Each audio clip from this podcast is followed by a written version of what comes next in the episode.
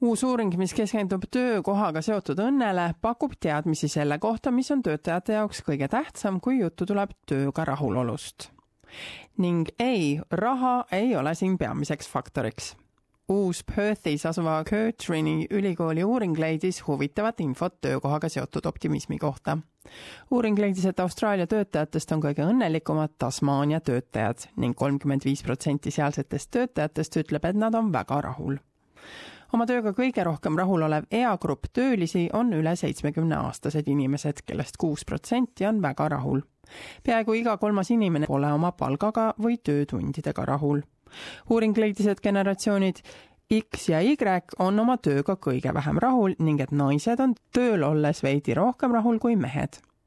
aruande kaasautor Rhonda Brighton Hall ütleb, et mida kaugemal inimesed suurest linnast eemal on, seda rohkem paistavad nad rahul olevat.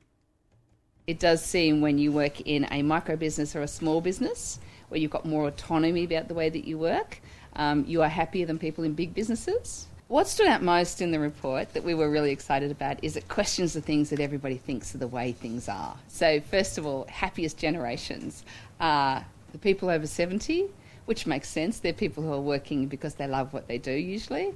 And also the younger generation, so the people under 24. Now, that's a generation that we're constantly hearing is unhappy and tough and everything else, but actually they're really happy and they're coming to work happier than the generations in the middle. Brighton Hall panustas uurimusse oma firma Making Work Absolutely Human kaudu. Tema sõnul on põllumajanduse ja kunstisektoris töötavad inimesed oma tööl kõige õnnelikumad, samal ajal kui toitlustuskohtades töötavad inimesed on oma tööga kõige vähem rahul. People are happier with less pay than people with more pay if they've got control over their work, they love the work they do and they're working with people they like. So if you're doing work that you enjoy, work that matters, that has purpose, you are happier than people who are not. Sydneys töötav Diana Ryle on inimene, kes armastab oma tööd, milleks on tema poolt asutatud firma, mis propageerib võrdõiguslikkust ning selle nimeks on Explore for Success see seitsmekümne-aastane naine töötas kuni kahe tuhande esimese aastani Apple Australia tegevdirektorina.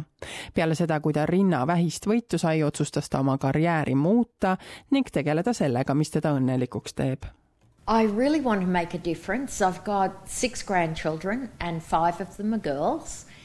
And I really want the workplace to be much more inclusive both for men and women. That's what makes me get up every morning and feel inspired and ambitious to make change.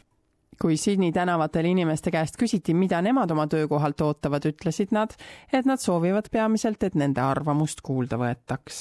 It motivates me every day get up in the morning. I can put my new ideas in, and uh, and when I can uh, say it's uh, uh realized, and I found it's uh, satisfied. The interaction with people is my favorite my favorite part. Yeah. Rhonda Brighton Hall, uurimuse kaasautor, ütleb, et inimesed soovivad lihtsalt töötada kuskil, kus neid hinnatakse.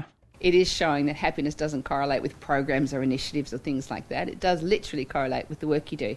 If you can find that little sweet spot of work you love with people you like being with, um, you're probably in great shape.